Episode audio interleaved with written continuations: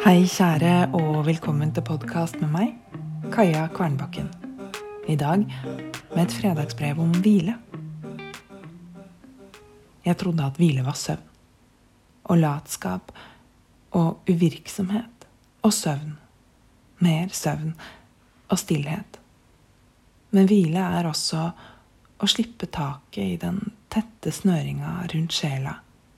Ikke holde tilbake den jeg er i frykt og skam for å være for mye. Jeg trodde hvile var å ikke gjøre, men hvile er også å gjøre de små tingene som får det til å krible av barndom og overflod for noe som koster ingenting, eller en tier. Hvert år velger jeg meg et ord som årsmotto.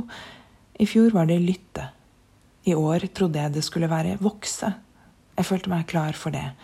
Jeg hadde et vidåpent år foran meg, hvor jeg kunne konsentrere meg om skrivingen og om å bygge en business rundt den, sånn at jeg skulle kunne fortsette å ha vidåpne år. I stedet ble ordet hvile. Igjen og igjen kom ordet tilbake til meg og insisterte på å få være i fokus. Og jeg ble redd. For hva kan vokse hvis det hviler, lurte jeg på. Innsausa i kapitalistisk pisspreik om at vi kun er verdifulle når vi produserer. Å hvile er søvn, det er å ikke gjøre. Men jeg lærer også at jeg har brukt ekstremt mye energi på å holde igjen. Ikke være meg selv helt og fullt.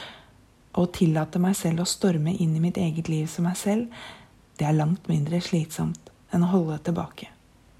Jeg er spent på hva mer jeg skal lære om hvile i året som kommer. Hvor finner du hvile? Måtte du finne ro i at du er verdifull, akkurat som du er. Din Kaja. Forresten, liker du denne podkasten? Gi den fem stjerner der du lytter til podkast, og del den med andre du tror vil sette pris på den. Det setter jeg pris på. Vi høres.